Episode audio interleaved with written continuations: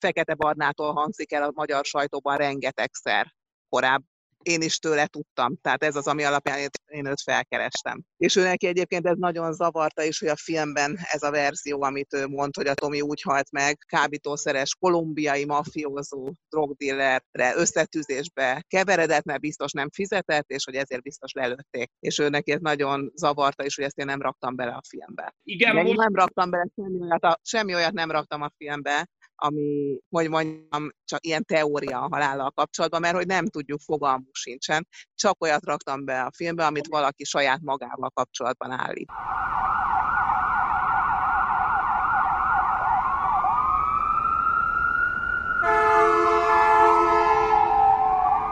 Sziasztok, ez a Tangó és Kes, a 24.hu, illetve Bezsenyi Tamás és Böcskei Balázs bűnügyi podcastja. Meg vagyunk áldva legalábbis a magyar történet. Van nekünk egy Radics Bélánk, de van nekünk egy Barta Tamásunk is. Most már futó dokumentumfilmnek a jegyében tudunk beszélni, mert Hajdú Eszter készített. Itt kell elmondanom azt az elfogultságot filmrendezővel kapcsolatban fennáll, ugyanis a korábbi egyik jelentős munkája a Fideszes zsidó, a Nemzeti Érzés nélkül anya és mediáció címet viselő dokumentumfilmje 2008-ból az a, ha valami jól mutatja be a polarizált Magyarországot, két Magyarországban és milyen párbeszéd nélküliségek alakulnak ki családok és barátságok között, akkor biztos, hogy az a dokumentumfilm ennek a referenciája. De amiről most beszélünk, az a Sies haza vár a mama, és ezt a beszélgetést van szerencsénk Hajdú Eszterrel a film rendezőjével lefolytatni. Szia Eszter, köszöntünk! Az első kérdés, amit persze sok helyen elmondtál, de nem magától értetődő alapvetően, hogy generációs különbségek okán vissza kell nyúlnunk Barta. Mi az, ami neked abban a történetben, ebben a történetben az LGT legendás zenészében foglalkoztatott, aki 26 évesen hagyja el Magyarországot, 33 évesen hal meg, és a halálnak a körülményei, hát a lassan, amit az 1986-os mexikói VB szereplés, egy megismerhetetlen, kibeszélhetetlen foltja a magyar pop, illetve rock történetben, de te miért nyúlsz, nyúltál Barta Tamáshoz? Hát nálam ez egy egészen személyes indítatású történet. Barta Tamás anyukája Edith néni az én családommal lakott haláláig. Megtapasztaltam, végigéltem évei utolsó borzalmas szenvedést, amit ő a sok évtized elvesztett fia miatt érzett. Tehát gyakorlatilag egy teljesen tönkrement asszony volt, aki évtizedeken keresztül semmi másra nem gondolt, csak a, a fiára, akit elvesztett, akit ő szerinte megöltek, sokak szerint megöltek. A rendőrség ugye önnyilkosságként zárta le a nyomozást, fogalmam sincs, mi történt, és igazából nem ez érdekelt a, a film forgatás során, sőt, egyáltalán nem akartam ezzel foglalkozni. Amikor el, eldöntöttem, hogy filmet akarok csinálni ebből a témából, az akkor volt, amikor meghallgattam azokat a hangos leveleket, amiket Edith néni és a fia Tomi 74-től 82-ig Tomi haláláig egymással váltottak. Ezek olyan hangos levelek voltak, amit ők audiokazettákra rögzítettek, tehát rögzítették a saját gondolataikat, feladták, Budapesten megérkezett Los Angelesbe, ott a Tomi meghallgatta, és ő egy másik kazettára szintén felmondta gondolatait az anyukájának, és elküldte.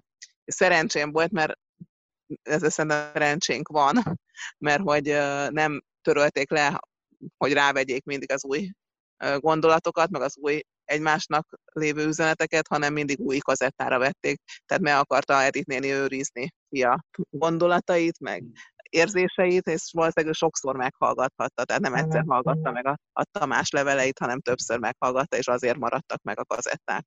Tehát amikor meghallgattam ezeket a kazettákat, akkor döntöttem el, hogy ebből filmet kell csinálni, mert hogy egyrészt egy olyan mély anya-fiú kapcsolat, ami elképesztő, a, a pszichológiai vonatkozása is, másrészt pedig egy olyan kordokumentum, egy diktatúrában élő folytogató viszony volt az édesanyja a Tomi között. Egyrészt adódott abból, ilyen viszony volt a anyukája egyfajta birtokolni akarta a fiát, és nem tudta elviselni, hogy őt ott hagyta a fia.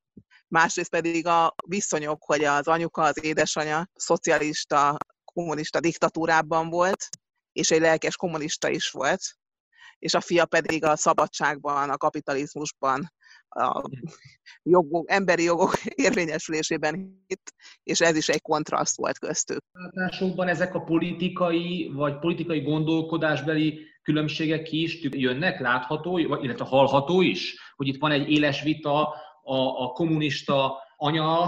Hát inkább az érdekes, hogy ugye a hídfű kommunista anya, aki azért volt tulajdonképpen olyan hálás a rendszernek, mert ő egy holokausztul élő volt, és úgy érezte, hogy a kommunisták az a, voltak azok, akik őt a biztos haláltól megmenekítették, ami szerintem valahol érthető, hogy ő akkor ezt így érezte, de azzal együtt attól ő is szenvedett, hogy úgy érezte, hogy például figyelik a postaládáját, hogy mit ír neki az Amerikába szakadt fia. Tehát úgy érezte, hogy őt is figyeli a rendszer.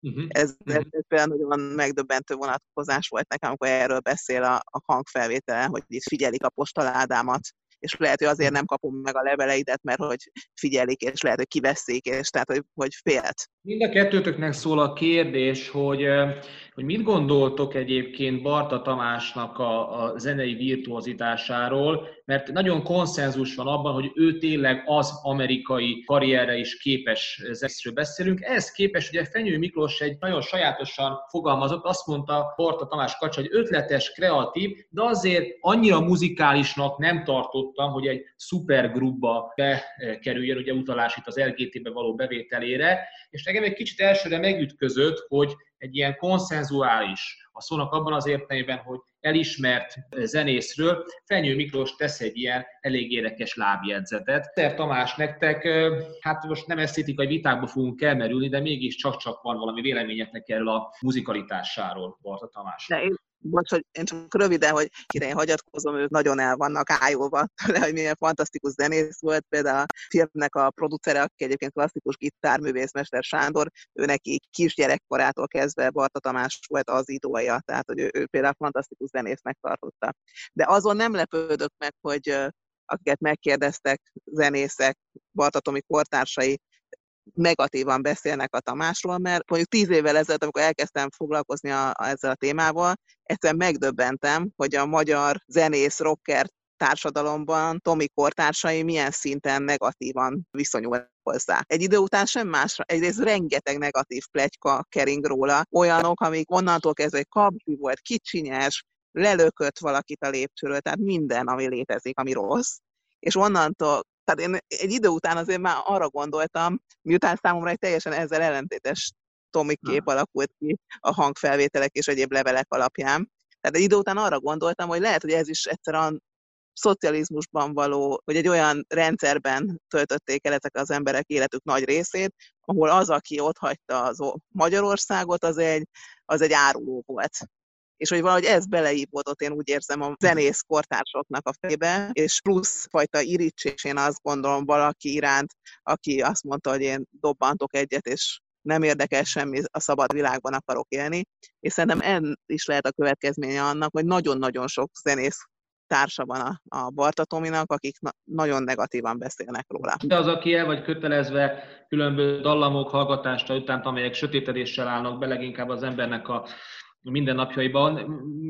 Mit gondolsz, hogy ez az ellentmondásosság, amit Eszter említette, ez, ennek van valami tényleg szocialista indoka, oka, idézőben használom persze mind a szocialistát, mind az indok kifejezést. Teljesen egyet tudok érzni Eszterrel, noha egyébként közel sem tudom azt mondani a, a szereteten túlmenően, hogy bármiféle széles véleményekből tudnék építkezni, de az, amit az Eszter mond, abból én is tapasztaltam pár alkalommal, hogy hasonló intenzitással negatív megnyilatkozások származnak, hogy valóban ennek a diszidáláshoz nagyon szoros kapcsolata van, hiszen hogyha belegondolunk, az LGT létrejötte, az ugye a metró együttesből eljövő Frerreisszel, a Hungáriából eljövő Bartával, illetve ugye az Omegából eljövő Laux Presser párossal, szintén egy árulóságot eredményezett, és egyébként az Omega maga is ezt nehezményezte, az, az, ezt követően pedig csak egyik zenekarból átléptek a másikba, nem pedig arról volt szó, hogy egyébként el is hagyja az országot, ráadásul egy olyan turnén, ahol ugye az ABC-vel volt egy három éves szerződésük, amelynek keretében ők vissza is mentek volna, további lemezfelvételek és koncertek következtek volna, de azzal a zenekari tagváltás történt, ezzel szerződésszegést követett el a zenekar, tehát ezt tudom én is, ahogy az Eszter mondja, ebbe a fajta áruló tudatban, Ugyanakkor szerintem nagyon szimbolikus és szemléletes az, ahogy például Somló Tamás, illetve Presser Gábor beszél Parta Tamásról. Ugye itt a privát rock történetre tudok hivatkozni, ami az évezred forduló környékén a legtöbb nagy könnyűzenei műfajt meghatározó magyar zenekarral foglalkozott, és ott például az LGT sztoriban, hát Presser Gábor nem, talán egyébként is lehet vele kapcsolatosan megfogalmazni, nem osztja oly bőkezűen a bókokat és a dicséreteket zenésztársaival kapcsolatban, tehát akit ő szakmailag olyannak vél, azt egy-két esetben emeli ki, és egyébként Presser számára Barta Tamás egyértelműen ilyen volt, hiszen az LGT létrejötte itt követően az egész dallamvilág, ritmus, az, hogy a, a hangzás, és, és ezzel együtt ugye Adam is Annának a szövege, az milyen zenészekkel működött együtt, és milyen zenészekkel működött jól, abban kiemelt Presser Gábor, és még inkább Barta Tamás, főleg ugye a diszidálásáig bezáruló időszakban. Ugyanő először a Szikonorban, majd a Hungáriában játszott, de játszott egyébként a korszak egyik meghatározó együttesében, a Siriusban is, és éppen ezért az a fajta progresszív rock, ami felé ő elkanyarodott, én azt gondolom, hogy az a Fenyő Miklósban hát sok mindent eredményezhetett, de én inkább a féltékenység hangján tudnám ezt sajnos csak értelmezni. És ugyanakkor viszont azt, hogy Barta Tamás, a Landler Jenő az újpesti gépipari technikumban mérlet jóba Fenyő Miklóssal, azt nem elsősorban Fenyő zenei érdeklődésének tudom be, hanem azt, hogy egyébként 56 után ugye ő diszidált a családjával, majd aztán visszatértek, és Bartáról meg ugye tudva levő, hogy mint igazi amerikamániás, folyamatosan szerette beszerezni az információkat Amerikával kapcsolatban, tehát én például ebben sokkal inkább látom Bartának az érdeklődését fenyő felé, és a, azt gondolom, hogy egyébként meg érdemes elismerni azt, hogy ha valaki eltűnik 74-től magyarról, akkor már az is döbbenetes, hogy például Eszternek is köszönhetően ilyen emlékezet van utána. Kifejezetten egy idő után engem elkezdett bántani, meg főleg emlékeztem, hogy a Edith néni Tomi anyukát mennyire bántotta, hogy a zenészek ipari zenész barátok úgymond mennyire negatívan beszéltek a Tamásról. Uh-huh. Tehát igazából egyébként egyedül Presser Gábor volt az, aki kifejezetten, amikor én beszéltem vele, és ez szerepel is a filmben, kifejezetten nagyon méltatóan beszélt a Tomiról. És azt mondta, hogy nagyon jó barátja volt, és fantasztikusan játszott, és a nők is imádták. Tehát ő volt az egyetlen, aki tulajdonképpen tudott róla beszélni, ami azért elképesztő ennyi évtized után. Eszter, abban legyünk segítségünkre, hogy te, aki a levélváltásokat, idézőbeli levélváltásokat, mert nyilván akkor ismert az előzményeit is ennek a történetnek. Pont Somló a 85-ben megjelent, és ilyen a boximű könyvében azt írja, hogy az volt a baja, hogy Magyarországon nem volt pénze lakása. Volt egy lány, akivel együtt élt annak a lakás. Így van. Az volt a baja, hogy Magyarországon nem volt pénze lakás. Lány, akivel együtt élt, annak a lakás részében laktak az Izabella utcában. Azzal érvelt, hogy nézd meg, Kalifornia, pálmafák, süt a nap, tenger, én nem fogom még egyszer a harmadik emeletre a hátamon felcipelni a szenet meg a fát. Ebben a keserű mondatban van is némi igazság. Fogalmaz tehát Somló Tamás. Eszter, így van ez a történet, vagy ez a Somlónak egy oral historiának? Nagyon lelkendezik amiatt a, azok miatt a materiális dolgok miatt, amit érnek, sikerült megdolgozni Amerikában, és amit sikerült megkeresnie. Tehát sikerül vennie egy házat, van autója, teniszezni jár, nyaralni jár, tehát tényleg jól élt, és baromi sokat dolgozott, tehát napközben dolgozott, éjszaka pedig zenélt, tehát éjjel-nappal dolgozott. Ele, ugye Legát Tibor Na. például azt mondja a pont a film kapcsán írott kritikájában, hogy nem egy szakadt menekült volt, aki bármikor kiutasítottak volna az országban, hanem olyan fickó, aki kellő kitartás és szorgalommal, és most jön a kulcs szó talán, megcsinálhatta volna a szerencséjét. De úgy ennek alapján, amit mondasz, hogy gyakorol, nyomja, stuffolja magát, valahogy mégse futja ki a pályáját Amerikában. Mert meghal. Hát, vagy mert megölik valószínűleg, azért nem. Én azt uh-huh. gondolom. Én azt gondolom, hogy volt egy mélypont halál, ilyen 79 körül, amikor ki, rosszabbul ment neki, nem sikerült annyit zenélnie, de utána egy-két év múlva újra összeszedte magát. meghalt, most öngyilkos lett, megölték, nem tudom, és ez akadályozta meg abban, hogy, hogy nagyobb sikereket érjen el. De ugye ez is nehéz dolog, mi az, hogy sikert ér el valaki, tehát boldognak tűnt, mielőtt aha. meghalt. Aha, volt, aha. Egy, volt egy kapcsolata, szerelmes volt, akkori mennyasszony azóta gyászolja, ugye ő szerepel is a filmben, mhm. és azóta nem tudja feldolgozni, meg elfogadni, hogy mi történt, pedig hát közel 40 éve, ami elég elképesztő, hogy valaki őt azóta így gyászolja. És ezzel el is érkeztünk talán a, a legnagyobb titokhoz, ami, amivel, hogy a filmedben nem foglalkoztál, azt talán nem is különösebb probléma, hiszen így, így látja az ember igazából Barta Tamást annak, és mint ugye ezt többször hangsúlyoztuk, hogy a maga a filmnek a középpontjában is ez a sajátos hangulatú és, és, és, és kapcsolatú levélváltás áll leginkább. De ugye még mindig a Barta körüli mítoszok azok egybefüggnek azzal, amivel a Tango és Cash adásában korábban foglalkoztunk, ez az egész Los Angeles-i maffia kérdése, és az említett filmkritikában, amit ugye Legát Tibor jegyzett, ő maga is sírja, hogy a ifjúsági magazin 57. oldalán a keresztrejtvény mellett számoltak be Barta haláráról, idézőjelbe pornó negyedről és gyilkos erőszakról ismertebb városban, tehát Los Angelesben. És ezzel megérkeztünk ahhoz a kibeszélhetetlenségből, vagy nehezen elbeszélhetőséghez, hiszen meg annyi titok van benne, hogy miért kellett tulajdonképpen Barta Tamásnak meghalnia, és nyilvánvalóan Eszter egészen más benyomásokat kaptál a film készítése során, mint ők az ott esetben a nyomozók, vagy éppenség a mai kriminológia ezügyben eljár. Mennyire volt nehéz nem belebonyolódni ebbe a dologba, hiszen akkor elvitte volna a filmnek talán ott a fókuszát is. Én ezt a filmet már több mint tíz éve kezdtem el csinálni, és akkor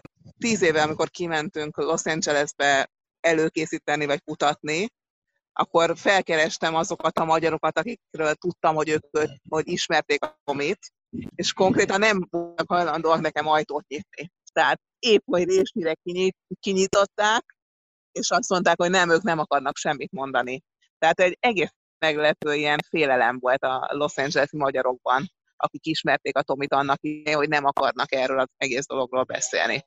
És ez is megerősített engem arról, hogy miután engem úgyis a hangos levelek érdekeltek, hogy jobb ezt a témát kerülni. És akkor tehát egy ember volt, szívesen vállalkozott a forgatásra, az a férfi, fekete-barna, aki annak idején a gyanúsított volt. Ugye én úgy tudtam csak róla, tehát így, így hallottam róla, mert hogy a magyar sajtóban ő sokszor nyilatkozott ezzel kapcsolatban. Mert hogy az ő fegyverével lőtték le Tomit, és rajta voltak az új lenyomatai, ezt is mind csak tőle lehetett tudni, senki mástól. És Fekete Barna egy korábbi interjúban ugye úgy fogalmazott neki meggyőződése, hogy a helyi magyar papírmaffiának nem volt köze a gyilkossághoz. Itt Tamáshoz fordulnék, hogy be tudod számolni, hogy hány legenda és narratíva van Barta Tamás halála kapcsán, vagy ez napról napra egyre elmesélési módja van ennek a történet? Itt alapvetően két egymással szöges ellentétben álló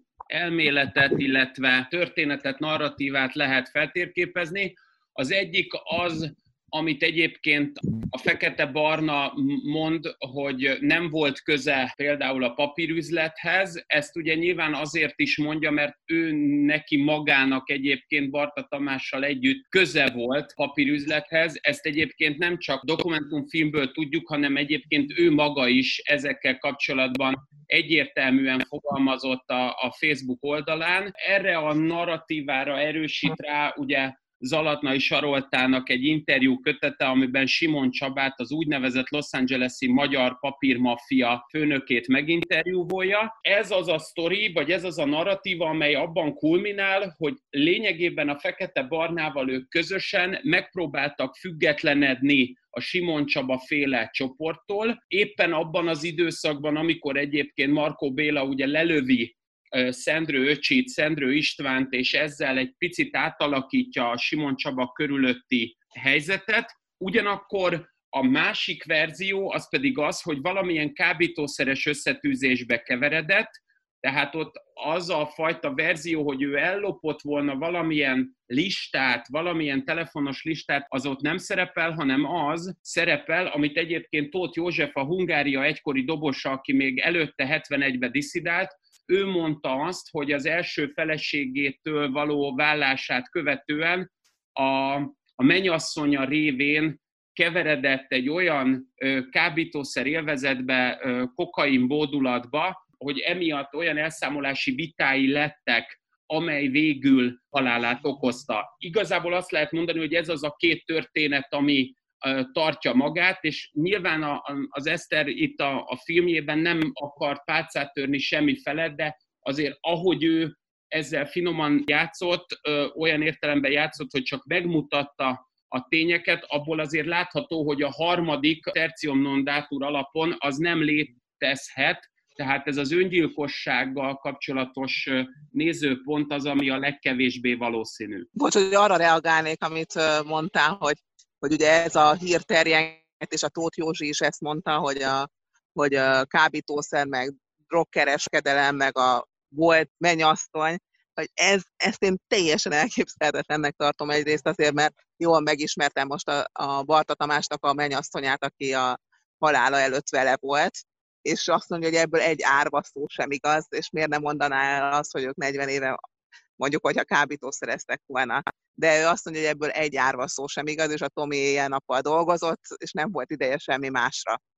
És egyébként ugye ez a ugye kábítószeres leszámolás történt Tomival, ezt ugye a Fekete Barnától hangzik el a magyar sajtóban rengetegszer korábban én is tőle tudtam. Tehát ez az, ami alapján én őt felkerestem. És ő neki egyébként ez nagyon zavarta is, hogy a filmben ez a verzió, amit ő mond, hogy a Tomi úgy halt meg, kábítószeres kolumbiai mafiózó drogdillerre összetűzésbe keveredett, mert biztos nem fizetett, és hogy ezért biztos lelőtték. És ő neki ez nagyon zavarta is, hogy ezt én nem raktam bele a filmbe. Igen, most... nem raktam bele semmi olyat, a, semmi olyat nem raktam a filmbe, ami, hogy mondjam, csak ilyen teória a halállal kapcsolatban, mert hogy nem tudjuk, fogalmunk sincsen. Csak olyat raktam be a filmbe, amit valaki saját magával kapcsolatban állít. Az, amiről az Eszter beszélt, miszerint eléggé nehezen vagy egyáltalán nem nyílnak meg az ajkak Los Angelesben Barta Tamás kapcsán. Azt mondott Los Angeles-i úgynevezett magyar maffiával kapcsolatban, hogy egyrésztről én most insinuálok, amikor ezt mondom, és ennek kapcsán hozom össze a két játékost, vagy az történik, hogy egyszerűen az emlékezet már elkopott a sok évtized során, hiszen ezek a játékosok egy része már nem képviseli vagy életével, vagy pedig, vagy pedig leszármazásával azokat a ütőképességet, ami miatt az ő nevük még jelentene valamit az új világ. Én azt gondolom, hogy a a Barta Tamás nevének a felhangzása után az ajtó becsapódásokat az eredményezi, hogy egy, egy rossz libikókán vannak azok az emberek, akik vele kapcsolatosan emlékeket őriznek, hiszen egyfelől tisztában vannak az ő gitáros és zenei tehetségével, ugyanakkor anélkül, hogy adott esetben pontos tudomással rendelkeznének a halálának a körülményeiről, mégis úgy interpretálják, én azt gondolom, és mégis úgy kezelik, hogy valójában váltott a zenei életről egy vállalkozói életmódra, életstílusra, és az amerikai álom kergetése közben, anélkül, hogy ezben bárki tudna pontosat mondani, bűnözővé vált. És én azt gondolom, hogy az ez ügyben megfogalmazott hallgatás és szégyellőség az, ami meghatározza a róla való beszédmódot. Bocs, én csak annyit szeretnék hozzátenni, hogy kétlem, hogy a Barta Tamás bűnözővé vált volna, illetve bárki, akivel beszéltem, tehát, hogy hitelt adhatok a szavának, ennek az ellenkezőjét állította. A mennyasszony, akivel együtt élt addig, ő azt mondta, szó sem igaz. Ezek legykákkal kapcsolatban, hogy a Barta Tamás drogügybe keveredett volna, és ugye az én édesanyám az egyik szereplője ennek a filmnek, mert ő Barta Tamás jogörököse, és ő az, aki Barta Tamás édesanyját a haláláig ápolta. Családunkban ennek hosszú története van, hogy mennyire megviselte az ő anyukáját és az én anyámat is, hogy a Tomit állandóan drogügyletekbe, zűrös ügyekbe keverték bele, amikor beszéltek róla. Tehát ez egy érdekes dolog, hogy igazából nem tudunk semmit, és mégis elég az, hogy portársak, szatjai úgy emlékeznek rá, hogy a Bartatomi belecsúszott piszkos ügyekbe, és ez okozta a vesztét. És ebből egy szót se tudunk, hogy ebből bármi igaz. De minden esetre ugye én most Amerikában megtam az ő mennyasszonyát, akivel együtt élt, teljesen eltortított emlékezete. Tango és cashben, majd a későbbiekben is adott esetben látható szeretet okán. Fontos itt jelezni, igen, hogy itt én is azt mondom, ez a fajta közbeszéd az, ami megjelent, és inkább ez az arra taló válasz, hogy miért lehetett az, hogy mondjuk adott esetben rád ajtót csuktak,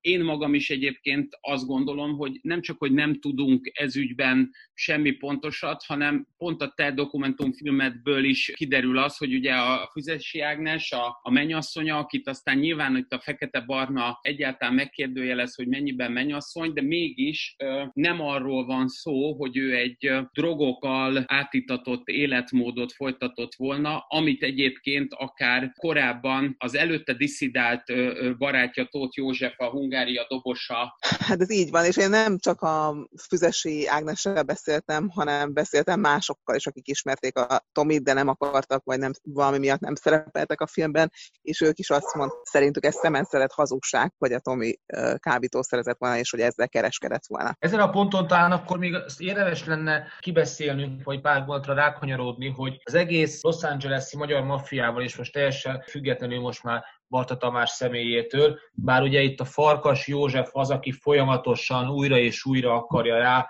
burítani tulajdonképpen Bartát erre a történetre, ugye a történetet ugye magát Tamásra. Ugye itt beszélő a Markóhoz való kapcsolatáról. Farkas József, ő kicsoda? A Farkas József ugye az ezredforduló környékén Amerikából tér haza. A Zsaru magazinnak egy korábban fecsegett, és ez a jó szó, a Barta gyilkosságról, és az ő állítása volt, hogy a Los Angeles-i magyar maffiának a tagjai való együttműködés vagy együtt gondolkodás keretében, vagy mi, mi történt ez az első golyónak a megérkezése. Ennek ezeknek a szavaknak lehet. Tehát ő azt mondta, hogy neki van arról tudomása, hogy a magyar maffia ölette meg. Ő Kaliforniában ült börtönben, és azt állította, hogy igen, a börtönben erről tudomást szerzett, és egyértelmű egyértelmű tudása van ezzel kapcsolatban, hogy ez a magyar maffia végzett vele. De azt nem tudta, hogy ki ölte meg konkrétan. Tehát azt ne, arról nem mondott semmit. Elkövetőt nem nevezett meg, inkább csak az volt ebből a szempontból fontos, hogy a már korábban fölhozott narratívákhoz kapcsolódva, ez abba a narratívába kapcsolódik be, ahogy kiszálltak a papíros bizniszéből a Simon Csabának, a Barta Tamás lenyúlt olyan listákat, amely listákkal uh,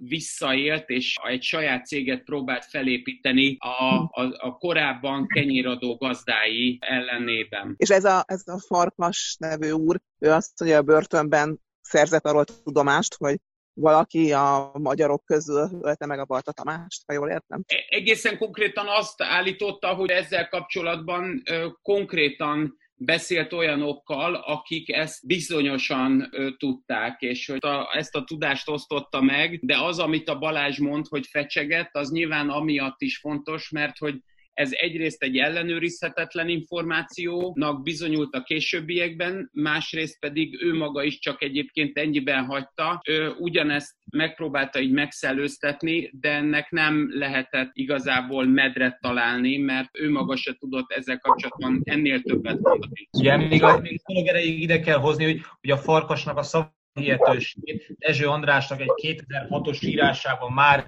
ezt, ha úgy tetszik, megkérdőjelezi, hiszen azt állítja Farkas, hogy maga Markó beszélte rá Bartát arra, hogy maradjon az Egyesült Államban és társuljon vele. Ugye a rendkedvéért meg kell jegyezni, hogy ez nehezen kivitelezhető, elképzelhető, hiszen Barta Tamás már Markó Amerikába érkezése előtt 8 éve az Egyesült Államokban élt. Finoman kell még megjegyeznem a, a mitológiálásához, meg valóságáról, hogy a maga Dezső András is megjegyzi, hogy a rendőrségi forrásoknak nem különösebben mondott semmit Farkas Józsefnek a neve. Ugyanakkor más rendőrségi források viszont valóban, a Tamás által említett Simon Csaba cégénél való önállósodást, ezt viszont megerősítik, vagy legalábbis feldobják a labdát, aztán majd kiki egyszer lecsapja, és akkor ez a labda lecsapás. El kell mondanunk a hallgatóknak, hogy ez egy kicsit ilyen álnaív kérdés, de ezt, ezt mikor beszélgettünk előzetesen már valahol utalt rá, hogy egy dokumentumfilm ez csak annyit tud menni egy témával, amelyben megszólók akarnak menni, de benned halál körüli történet hagyott-e olyan ambíciót, hogyha beszélnek emberek, ez valahol, a, ez már nem a te parta történeted, és, és a tárgya a dokumentumfilmből nem is következik, hogy nekünk ezen az úton kellene tovább menni. Az az igazság, hogy amikor én elkezdtem ezt a filmet csinálni, és amikor be is fejeztem, még akkor is úgy gondoltam, hogy én nem akarok ebbe belemászni, mert uh, ettől úgy éreztem, hogy ma ezt sokat nem mond a világnak, és ettől sok minden nem fog megváltozni. Már az anyukája se él, hogy esetleg e, elég tételt érezzen, hogyha a gyilkossa valaha előkerül. De most a bemutató körül ak- akkora balhé volt és felhajtás, hogy most már kicsit motiváltabb lettem, hogy, hogy esetleg legyen a filmnek egy második része. És főleg itt van az édesanyám, aki szintén uh, nagyon felizgattak ezek a dolgok, és, és ő, ő eléggé motivált lett abban, hogy utána menjen, és mint jogörökös talán még kötelessége is, hogy amit tud, az, azt megtegye. Uh-huh. De nem tudom, hogy ez hogy fog elmenni, tehát uh-huh. még abszolút kérdéses. Uh-huh. Tamás, végezetül, ahogy, mennyire lesz könnyű dolga szerinted Eszternek és munkatársainak ezügyben elindulni? Megvannak-e még ezek a források, kriminológiai nyomok, amelyeket fel lehet szedni, vagy ez, ez, ez, ez nem kis kihívás lesz ennek a felfejtése? Hát én azt gondolom, hogy alapvetően, amit az Eszter már eddig is megtett, abból elsősorban annak a feltárása, ami kriminalisztikailag egyfajta nyomozás metodológiai szempontból feltárható, az már nem csak, hogy megtörtént, hanem annak leginkább a kérdő nyilvánvalóvá váltak, és ennek aztán a kriminológiai és kérdései, hogy ez, ez hova vezet, az meg azért egy fontos, és azért gondolom azt mindig aktuális kérdés lehet, mert, mert nem is azt gondolom, hogy a, legfontosabb kérdés az, ki az, aki meghúzta a ravaszt, hanem az, hogy az, aki az elsütő billentyűt, hogy ennyire szakszerűek legyünk, meghúzta, az milyen motivációból és kinek a kérésére tette ezt meg. Én erre szemben nyilván azért, mert nem tettem részt így a projektben, bátrabban mondhatom azt, hogy itt azért egy több mint kérdéses és egyértelműen vagy nagy valószínűséggel kivégzéses emberülésről van szó, amelynek egyébként a tózmányai és a kapcsolatai miatt én azt gondolom, hogy amit az Eszter mond, hogy ezt ő folytatná, az azért is nagyon fontos, mert igazából a 25. órában vagyunk, hogy ilyen néprajzosan fogalmazzak, szóval tényleg az van, hogy itt az utolsó pillanatokban még el tudunk kapni olyan embereket, akik még nem haltak meg, de és fültanúi voltak, vagy származtató tudással bírnak az adott esetről. Ehhez kívánunk kitartást. Az e- a Tango és Kes adásában Barta Tamás Sies hazára Mamaci munkája, Hajdó Eszter vonatkozó munkája kapcsán beszélgettünk a rendezővel. Eszternek köszönjük, hogy velünk voltál. Nagyon köszönöm, és, és remélem, hogy nyilván ez a bűnügyi vonatkozása nagyon érdekes, és sok mindenkit nagyon érdekel, de azért remélem, hogy a Barta Tamásra mindenki fog úgy emlékezni, hogy egy fantasztikus zenész volt, és nagyon sokat adott a magyar kultúrának és a magyar embereknek. És ugye ez az, ami meg fog maradni róla, és nem a mendemondák és a különböző plegykák. Erre szeretnék én is ráerősíteni, mert valóban a, egyrészt a Szeres Nagyon című slágere és Kovács Kati és Zalatnai Sarolta számára készített lemez, egyáltalán az, hogy a képzelt riportban részt vett, és Adam is Annával olyan komoly ö, művészi kapcsolatot és szakmai kapcsolatot ápolt, mint egyedül Presser Gábor tudott az LGT fennállása idején kialakítani, az valóban elvitatatlan, és szerintem fontos az, hogy ezt toljuk még egy bűnügyi műsorban sem a szőnyeg alá, hanem kifejezzük azt, hogy egy, egy ilyen embernek a, a, a szakmaisága és a zenei tehetsége az, az elvitathatatlannak maradjon fent. Ebben Eszter filmje segíti a nézőket és hallgatókat, úgyhogy mindenkit annyira bíztatunk, hogy menjen a moziba, nézze meg a filmet, és így emlékezzen. Ez volt erre a hétre a Tango és Cash. Kövessetek bennünket Facebook oldalakon, használjátok a Patreon oldalunkat adományozás és plusz tartalom céljából, velünk pedig a szokott időkben, azaz valamikor a jövő hét ismét találkoztok. Sziasztok! Sziasztok! Sziasztok!